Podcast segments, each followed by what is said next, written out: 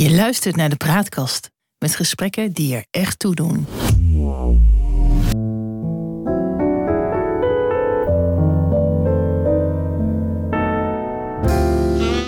Welkom bij de Praatkast.nl. Dit is een aflevering van het Geheugenpaleis. Mijn naam is John Knierim en samen met Han van der Horst maken we deze podcast. De geschiedenis die haalt zich nooit, maar rijmen doet hij vaak wel. En dat gegeven gebruiken we in het Geheugenpaleis om dieper in te gaan op de actualiteit. Zo gaan we aan de waan van de dag voorbij en bereiken we de kern van het nieuws. We scheppen orde in de maalstroom van berichten die het zicht op de grote lijn belemmeren. En tussen beiden blijkt dat de werkelijkheid vaak genoeg elke fantasie te boven gaat. De affaire Matthijs van Nieuwkerk die ligt ons nog vers in het geheugen. En het AD had afgelopen week een eh, artikel over hoe het de aangeklaagde in het eh, Voice of Holland schandaal eh, vergaat. Maar eh, we denken dat het altijd mannen zijn die zich eh, vergalopperen. Maar we hebben nu ook een dame die is ontslagen wegens seksueel overschrijdend gedrag. Het moet niet gekker worden, Han. Ja, en eh, het is ook nog een Arabische dame van wie Ja. je dat soort gedrag eh, niet zou eh, verwachten. Als je alle vooroordelen die er bestaan ten opzichte van, van vrouwen in de islam en de Arabische wereld tenminste omarmt. Ja. Ik doe dat niet, dus ik stond niet zo verbaasd. Maar ik heb wel erg veel pret gehad Over wie hebben Om. we het? Om het verhaal. Ja. We hebben het over eh dokter Kautar Darmoni. Ja. Dat is een eh Tunesische eh, wetenschapster. Ja. eh, die bovendien buikdanseres is. Ja.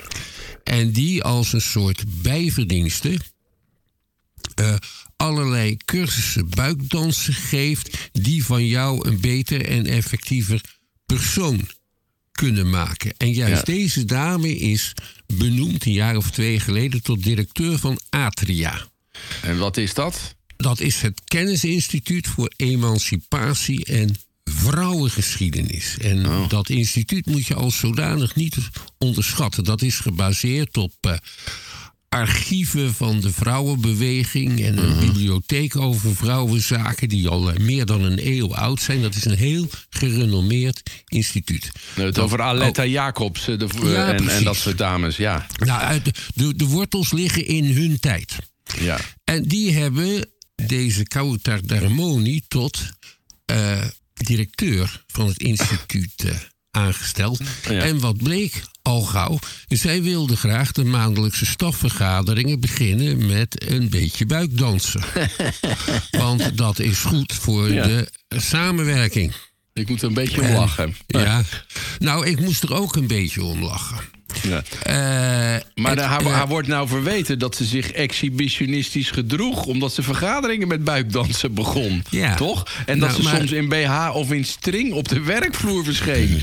Ja, Ja. precies. Nou, en als wij heren dat zouden doen, Ja, dan zou er denk ik niet zo om gelachen worden. nee, dan zouden we de rapagaar zijn. Er Eh, zijn ook nog andere beschuldigingen, moet ik erbij vertellen. Bijvoorbeeld dat ze niet helemaal de waarheid heeft verteld over de carrière. Ja.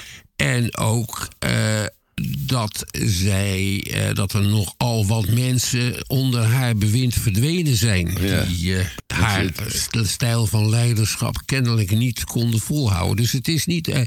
de Kautar zelf, Kautar Dramoni zelf, ontkent alles. Natuurlijk, dat hoort altijd En, daarbij. Hè? ja. Ze biedt ook geen excuses aan. Nee. Ze zegt ook niet wat veel van deze mensen zeggen. Van, eh, en als ik onbedoeld iemand eh, onder druk heb gezet, heb ik daar veel spijt van. Nee, ze Ja. gaat gewoon naar de rechter. ja. Nou, dat moeten we dan maar even afwachten wat daar eh, gebeurt. Eh, Het is wel een beetje pikant natuurlijk dat bij zo'n vrouweninstituut zoiets gebeurt. Ja, aan de andere kant, vrouwen lijken vaak lijken veel meer op mannen dan ze denken natuurlijk. En machtige vrouwen. Is deze dame niet gewoon een beetje raar in onze ogen? ik bedoel, ja, eh, ik heb wel eens een, een video gezien over een, een TED-talk van haar... waar het dan heeft over vrouwenemancipatie, over buikdansen en over vagina's. En dan denk ik, jezus, wat loop jij achter, zeg. Eh, Zijn we daar nou niet al lang voorbij? Of eh, ja, Ja, misschien nou, heb ik het is- niet helemaal door. Er zit een element in die website van haar en in die, die, die, die cursussen, daar zit natuurlijk een element van nep in. Ja. Eh, net zoals je bijvoorbeeld John de Wolf in kunt huren om eh, je personeel te motiveren, de grote voetballer. Dat is, daar, daar is op zich natuurlijk niks tegen. Nee. En dat jij daarvoor een buikdanseres inhuurt en met het hele personeel gaat buikdansen, nou, dat is, zijn de gevolgen voor jou. Dat is ook niet zo dramatisch. Eh, die mevrouw Ja. werkte al 15 jaar als docente aan de Universiteit van Amsterdam Ja. voordat zij deze nieuwe functie kreeg. En zij is, zegt ze, summa cum laude afgestudeerd. Of niet afgestudeerd, gepromoveerd aan de Universiteit van Lyon. Zo dan. En ik heb een proefschrift gelezen. En wat vond je ervan? Nou, daar kan je denk ik wel op promoveren. Maar summa cum laude kan ik mij niet voorstellen. Het gaat over de man-vrouw verhoudingen in bepaalde Tunesische speelfilms. En het is ongeveer 200 bladzijden. Ja, dat is voor een sociaal-wetenschappelijk proefschrift niet buitengewoon omvangrijk. Dus je suggereert dat ze zich er een beetje met een Jantje van Leijen Misschien- vanaf heeft gemaakt. Misschien dat ze daar een beetje over heeft gejokt. Dat zou kunnen. Hè? Dat zijn dan ook andere beschuldigingen. Wat ik aan de andere kant niet begrijp. Ja. Eh, het is een heel serieus instituut. eh, met een raad van bestuur van bestaande uit buitengewoon serieuze personen. En die nemen dan een buikdanseres aan als directeur. Dus, dus ik ben benieuwd hoe dat proces is verlopen. Een buikdanseres die tegelijkertijd antropoloog is. Dat moet ik erbij vertellen. Ja. Het is absoluut geen domme dame. En het is denk ik in haar denkbeelden kan je ook niet zeggen van dit is, eh, dit is nepwetenschap of zo. Maar dit is, dit is een, rare en interessante zaak, omdat er zoveel verschillende dingen door elkaar lopen. Ja, want het gaat ook eh, over, over, over macht natuurlijk. En onderdrukking hierin natuurlijk. Ja. Het gaat over macht en het gebruiken van erotiek als machtsmiddel. Ja. Ja, maar ook het zien van erotiek als iets gevaarlijks. Ja. Er is een nieuwe preutsheid gaande, denken veel mensen in Nederland. Dat kan je Ja. bijvoorbeeld onder de douche merken bij sportverenigingen. Want daar houden, houdt de jongere generatie massaal het, het onderbroekje aan. Ja. Of ze nemen een speciaal eh, broekje daarvoor mee. Maar dat, omdat dat, zij dat is hun toch. edele delen niet willen laten zien. Maar dat, dat heeft toch gewoon te maken met, eh, met de, de moslims die eh, de, de kleedkamers ook bevolken. Dat die daar niet van houden. Eh, ja, dat, dat, dat kan je misschien. eh, dat zal zeker van invloed zijn. Ik weet Ja. niet of dat in zijn totaliteit zo is. Als ik directeur of als ik baas was van een, sportclub, zou ik dit overigens ernstig tegengaan. Ja, dan Want heb je geen de goede eerste- voetballer. Nee, dat is de eerste die een broek onder de douche aantrekt, aan, eh, trekt, seksualiseert de hele toestand. Ja. ja, dat is natuurlijk wel Dus zo. dan Maar moet je, je, krijgt, gewoon tegengaan en verbieden. Ja, maar je krijgt vervolgens geen, eh, geen moslims, eh, mensen met een moslimachtergrond die meer bij je club gaan eh, spelen. En dat is toch wel een gemis dan. Ja, ja, ja. Nee, oké, dan kan je, dat, ook- kan je op een gegeven moment kan je dat invoeren. Er is een professor, er is een professor ontslagen.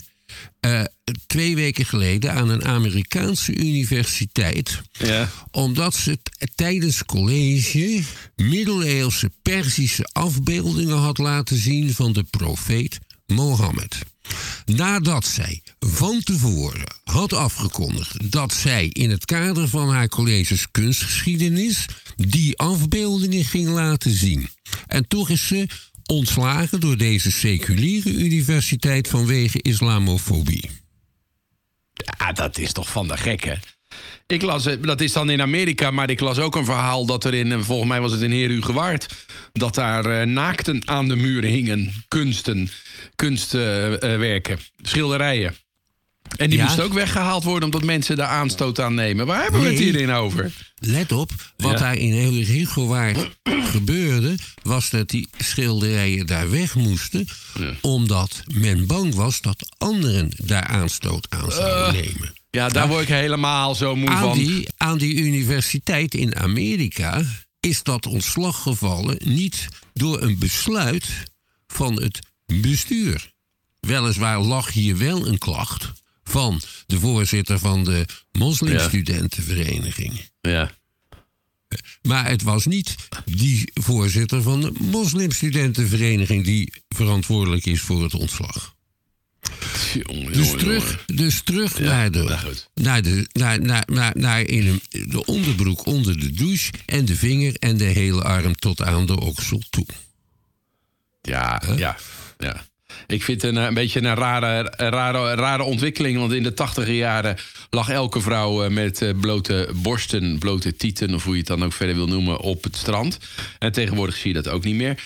Ik kan me er wel iets bij voorstellen, want het internet heeft natuurlijk de zaken wel veranderd. Je wordt zo ongemerkt gefotografeerd en je foto staat op geen stijl of wat dan ook. Dus ik begrijp dat in zekere zin eh, eh, ook Ja. wel weer wel. Aan de andere kant kan je ook zeggen dat, dat ja, de porno zo alom tegenwoordig is. Hè, en, eh, in het publieke, eh, eh, op het publieke terrein, maar ook op, op het internet. Dat is het gewoon heel makkelijk te vinden. Je had vroeger toch ook heel vaak van die reclames voor die, met, met, met een soort prostitutiedames over, op, op internet. Die je dan in de late uren bij RTL 7 of zo voorbij je zat nog komen. steeds, dat gaat de hele nacht door. En op de, op de meeste Duitse televisiezenders ook. Ja, dat kan dan allemaal wel. En dat kan allemaal wel. Ja. Maar, nou gezegd, ik ben ontzettend bang dat ik met mijn blote, met mijn blote borst of op mijn blote kont op het internet kom. Ja. Ja? Nou, er is maar één ding wat dit probleem kan oplossen. En dat is. Dat jij zegt, nou en? Voor je mooi.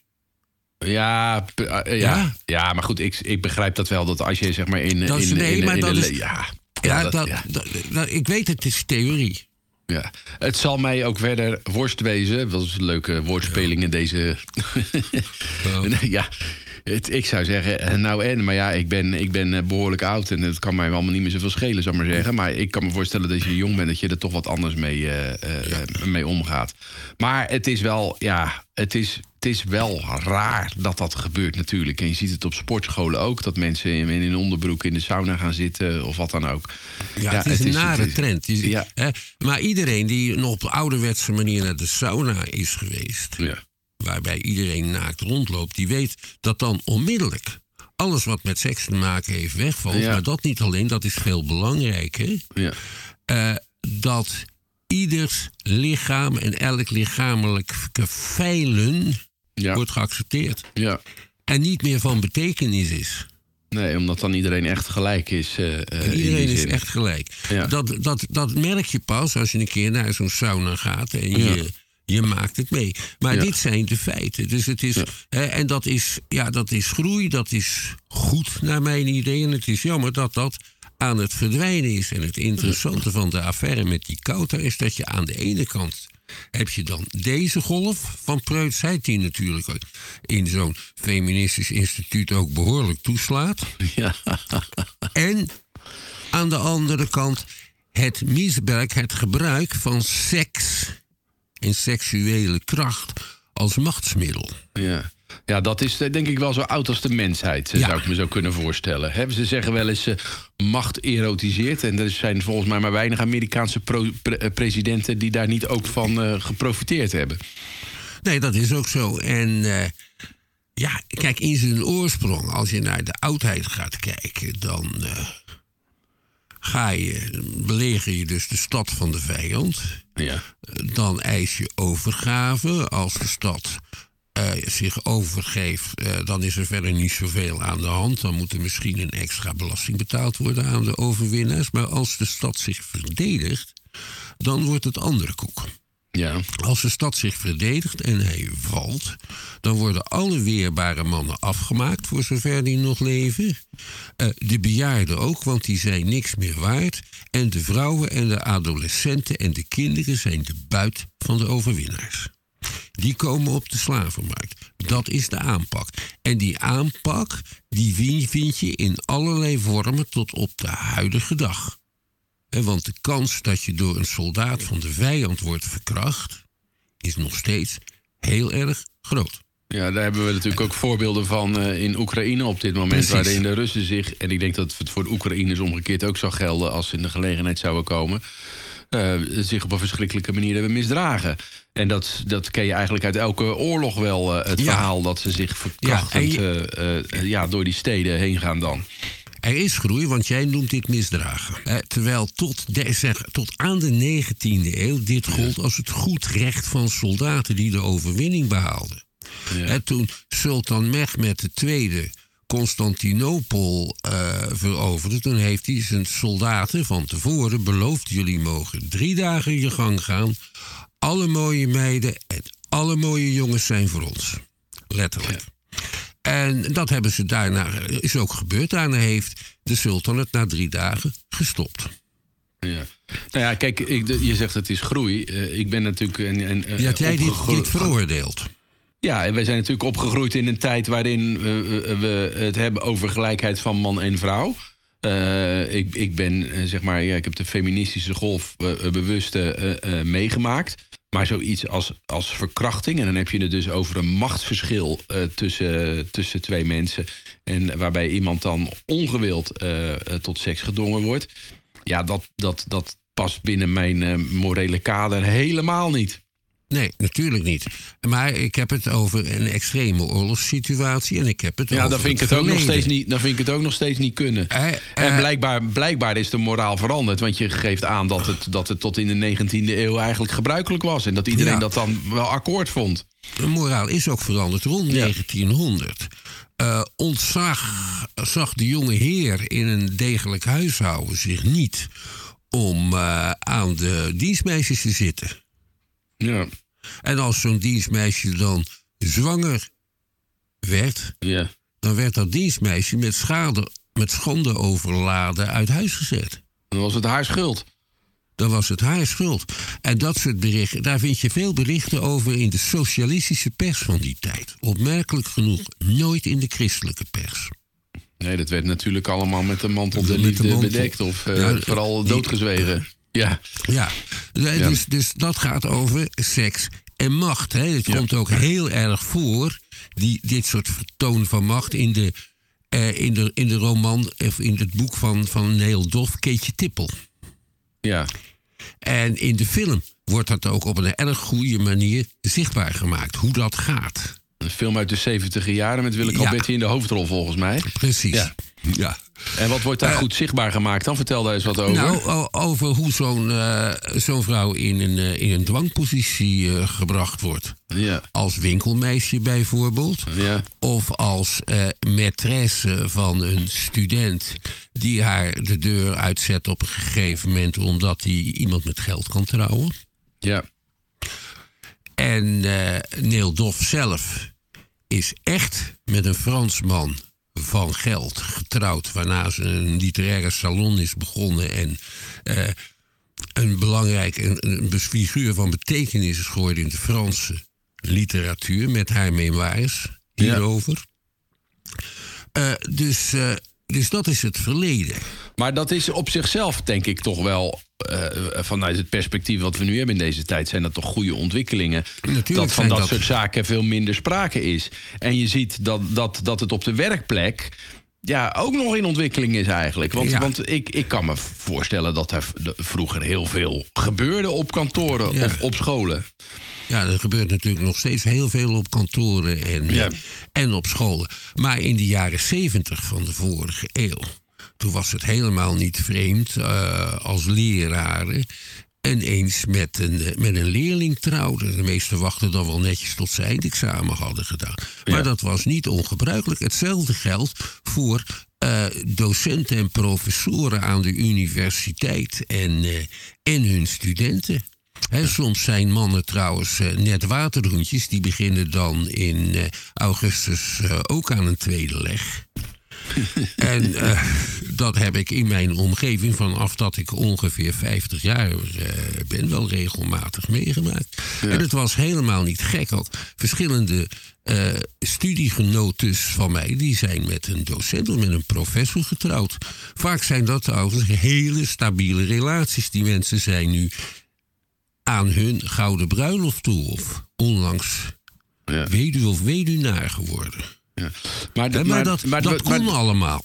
En eh, dat zou nou ondenkbaar zijn. Maar dan, dan, Nu zijn, we toch een beetje, dan- dan, dan zijn we toch een beetje doorgeschoten. Het kan toch gewoon zo zijn. Zeker op een universiteit. En hebben we ook te maken met volwassen mensen. eh, dat, dat, dat je verliefd wordt op elkaar. Dat mag dat dan niet meer. Ja, maar de andere kant is natuurlijk ook dat jij vaak denkt eh, dat, dat, dat mensen denken van nou, laat ik me maar te willen zijn in verband met mijn, uh, met mijn studiepunt. Ja, maar, maar, maar wie is hier dan fout? Want misschien is degene die, de, die professor is daar helemaal niet op uit. Ik heb overigens onlangs meegemaakt eh, op een klus waar ik op zat... Dat een van de chefs een relatie kreeg met een, een ondergeschikte. En hij begon daarover tegen mij. Ik zeg, nou, het lijkt me goed dat je maar even naar de vertrouwenspersoon gaat... en dan gaat vertellen wat er aan de hand is. Want als die dame het op haar heupen krijgt, lig jij er morgen uit. Ja, ik vind het toch een beetje de omgekeerde wereld worden ook. hoor. Dat is dan... Naar mijn idee slaat het dan ook weer te ver door. En dat is geen pleidooi hè, voor misbruik op de werk, werkplek of wat dan ook. Want daar ben ik echt tegen. Maar kunnen we, kunnen we het niet een beetje in het midden houden?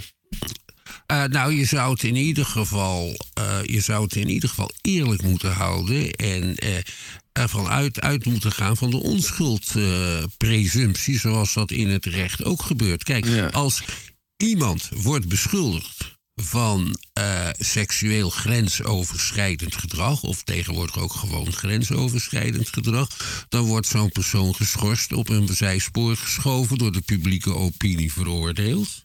Ja. Terwijl er nog niks bewezen is. Nee. Ja. Aan de andere kant wordt er een sfeer geschapen waarin een onverhoeds zoentje van de baas iets is waar je je leven lang een trauma van overhoudt. Ja. Ja, ja. En ik denk dat dat ook mensen psychisch gaat. Ja, want wat, wat is er nou zo erg aan een zoentje, wou je zeggen? Dat weet je, dat ligt aan de context enzovoort. Maar ik vind in ieder geval, je moet dit soort dingen precies uh, en goed uitzoeken als ze gebeuren. En verder vind ik het wel een goede norm dat. Uh, dat waar er, waar er dus, uh, scheve machtsverhoudingen liggen, dat je heel erg uh, oppast met, met het doen van, van, laten we zeggen, van erotische suggesties. Ja. Ik las ook pas nog een verhaal in het Financieel Dagblad. Dat een, een, er was ergens een verkoper aangenomen. En die had het uh, elke ochtend of uh, regelmatig over al zijn uh, veroveringen. Ja. En dat vonden de andere dames een beetje bedreigend. En toen is die man ontslagen. Het is ja. dom, dat soort verhalen moet je niet vertellen. Nee, dat is natuurlijk in de first place, ja. denk ik. Ach man, en bovendien uh, heeft hij waarschijnlijk ook nog dik zitten liegen. Uh, ja, waarschijnlijk wel een beetje stoere verhalen zitten vertellen tegen de dames. Niet verstandig. Waarom iemand daar nou voor te ontslaan? Nou goed, misschien ben ik niet meer van deze tijd. Nou, even terug hè, naar, die, naar die preutsheid. Is het nou zo dat wij in Nederland veel preutser zijn dan in andere landen? Mijn indruk is altijd dat Amerika voorop gaat in de preutsheid... en dat tegelijkertijd de extremiteit ook het grootste is. Nou, we zijn altijd uh, een behoorlijk streng land toch wel geweest op ja. dit gebied. Hè? In tegenstelling tot bijvoorbeeld de Fransen. In Parijs gold als de grote stad van de zonde. En daar gingen zondaars ook heen om die zonde ongestoord te doen. Aan de andere kant, rond 1820 was het allerberoemdste bordeel van Europa het nachthuis van Toontje op de Nes in Amsterdam. Ja. Uh, dus er zitten altijd al twee kanten aan, net als in de Victoriaanse tijd. Ja. Uh, maar uh, het is altijd toch wel een redelijk benepen toestand geweest. Totdat in de jaren 60 ineens werd doorbroken. Ja. Bijna van de ene dag op de andere. Ja, en waar komt dat nou vandaan? Wat, wat, is, wat heeft nou die. Want je hebt het over de seksuele revolutie. Uh, het, het, het, het, zeg maar de uitvinding van de pil. Wat is nou eigenlijk een soort trigger geweest dat dat, dat ineens zo loskwam? Uh, twee dingen. Uh, die uitvinding van de pil. Dus dat ja. betekent dat vrouwen eindelijk de, het, het, zelf in handen hadden om al dan niet kinderen te krijgen. Ja. Als je dat doet met een. Uh, als je dat doet, als je afhankelijk bent van een vent met een condoom. Dat is toch niet echt safe. Dat is punt één. En punt twee, de instorting van de godsdienst, van de grote godsdiensten in Nederland. want. Ja. Het, het, christendom is natuurlijk, ja, staat heel vunzig ten opzichte van, uh, uh, van onbekommerde seks. En ja. dat zakt dan ineens in elkaar. De en dan komt het allemaal samen. De, de leiders geloven er zelf niet meer. Dat komt allemaal samen. Ja. Er zit een, vrijheids, komt, komt een vrijheidsgevoel aan. Uh, en dat betekent dat iemand een blaadje gaat uitgeven. Dat blaadje heette de Check. En daar stond, daar stond full frontal naakt in. Ja. Zonder enige bedekking of enig vijgenbladvervoer. Maar daarvoor hadden, we, daarvoor hadden we toch de lachende piccolo gehad. Dat ja, was maar daar stonden alleen maar heel besmuikte grapjes in. En ik, ja, ja. Eh, ik zoek op rommelmarkten ook altijd naar zogenaamde etnografische studies uit de jaren 20 en, ja. uh, en 30. Er was een gespecialiseerde uitgeverijen voor. Dat waren hele dure boeken. volledig gevuld met, uh, met onzin. Maar wel heel veel plaatjes. En dan uh, zedengeschiedenissen. Uh, de, zeden, de, de, de, de, geschiedenis van de zeden of zo. Of de zeden bij verre volkeren. Want etnografische foto's uit Afrika of Azië van dames met blote borsten die kon je dan nog net wel boven de toonbank verkopen. Ja, en ja, dat dus was, was ook een dekmantel.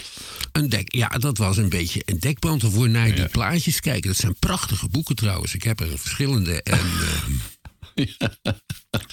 Ja. En, maar, dan, maar, en, dan, en dan vooral ook die onzin. Het, heel, heel veel tekst en echt geen touw aan vast te knopen. Nee, maar daar ging het ook niet om. Daar ging het ook niet om, nee. En maar hoe zat dat bijvoorbeeld in Duitsland? In Duitsland idem dito. Daar komen ook van die prachtige boeken. En, uh, maar in Duitsland was het, eh, zeker in de tijd van de Weimar-republiek, heel erg losgeslagen. Ja. En, wat bedoel je daarmee? Wat, een eh, echte hoererijen en dat soort dingen? Ja, en maar ook heel veel uh, met, met tijds, wat daar in tijdschriften en zo allemaal werd gepubliceerd. Dat ja. was in Nederland pas in de jaren zeventig uh, mogelijk. En dat werd ook onmiddellijk natuurlijk toen de nazi's kwamen verboden. En dat bleef verboden onder de brave katholieke aanhouden. Ja. Maar zo, dat is dan zo'n soort explosie. Ja. als je in Berlijn in de jaren twintig op straat liep, dan kwamen er mensen naar je toe en die zeiden: Wilt u sigaretten? Dus niet zoals je hem echt moet zetten in Duits, maar, echt met een S. Met een zwarte S, harde S. En wat betekende dat? Kook. Oké, dat was ook heel gebruikelijk toen. Uh, ja. ja. Nou, we hebben het gehad zeg maar, over die dame die dan ontslagen is uh, vanwege haar buikdansen en het in de BH op kantoor komen. Ik sla het maar even plat. Het wordt een eh, prachtig proces. Ja, ja, dat kan je je voorstellen. Bewijsstuk A, bewijsstuk B. Ja, nou ja, goed. Um, maar als we nou eens uitzoomen, dan, dan past het eigenlijk wel in een ontwikkeling van, van waar, waar de vrouw meer gelijkwaardig wordt uh, ten opzichte van de man. Op zichzelf allemaal goede zaken. Maar ja, dat hoort, daar hoort ook bij dat we af en toe een beetje doorslaan. Wat, wat is nou de volgende stap? Wat staat ons te wachten? Uh, nou, dat is, uh, dat is moeilijk te zeggen. Ik hoop dat onze redelijkheid op dit gebied uh, te wachten staat. Ja. En niet dat op de een of andere manier langs allerlei achterdeuren het Victorianisme en de preutsheid opnieuw terugkeren. En er zijn natuurlijk belangrijke krachten die dat wel graag zouden willen. Welke krachten zijn dat dan? CDA, ChristenUnie. Nee, dit zijn gemarginaliseerde uh, partijen. Op dat, nee, dat, helemaal, dat valt nogal mee. Want die partijen zitten allebei in de regering. En je ziet een soort, een soort heel vreemd uh, monsterverbond. Tussen dit soort kringen. En, uh, en allerlei, uh, allerlei zogenaamde emancipatiebewegingen. Ja. Uh, die daar helemaal niet op zijn gericht. Een mooi voorbeeld, mooi woord heb ik geleerd van de helaas overleden Sietske Altink. Dat was een deskundige, maar dan ook een echte deskundige op het gebied van vrouwenhandel en prostitutie. Ja. En die zei dat in dit soort beleidskringen en dit soort ideologische kringen iets bestaat wat heel vervelend is. En dat noemden zij feitenresistentie. Ja, dat is een mooie. We kijken niet meer naar wat er aan de hand is, maar we, we, we gaan af op wat we zelf vinden. Er staat ons nog wat te wachten wat dat betreft. Daar ben ik wel bang voor. Ja, nou dat is geen, uh, geen leuk einde van deze podcast. De eerste in het uh, nieuwe jaar. Uh, maar we gaan het hier toch bij laten. Deze aflevering van het Geheugenpaleis. We maken het in samenwerking met de Praatkast. En de uitzendingen zijn dan ook te vinden op www.praatkast.nl. Abonneer je op onze podcast in je favoriete podcast-app. Dan krijg je automatisch een bericht wanneer een nieuwe aflevering online komt. En vertel ook anderen over ons, dan worden we nog beter beluisterd. En als je ons wilt mailen, stuur dan een bericht naar info.praatkast.nl. Voor nu bedankt voor het luisteren en tot de volgende keer. Wees gelukkig, blijf gezond.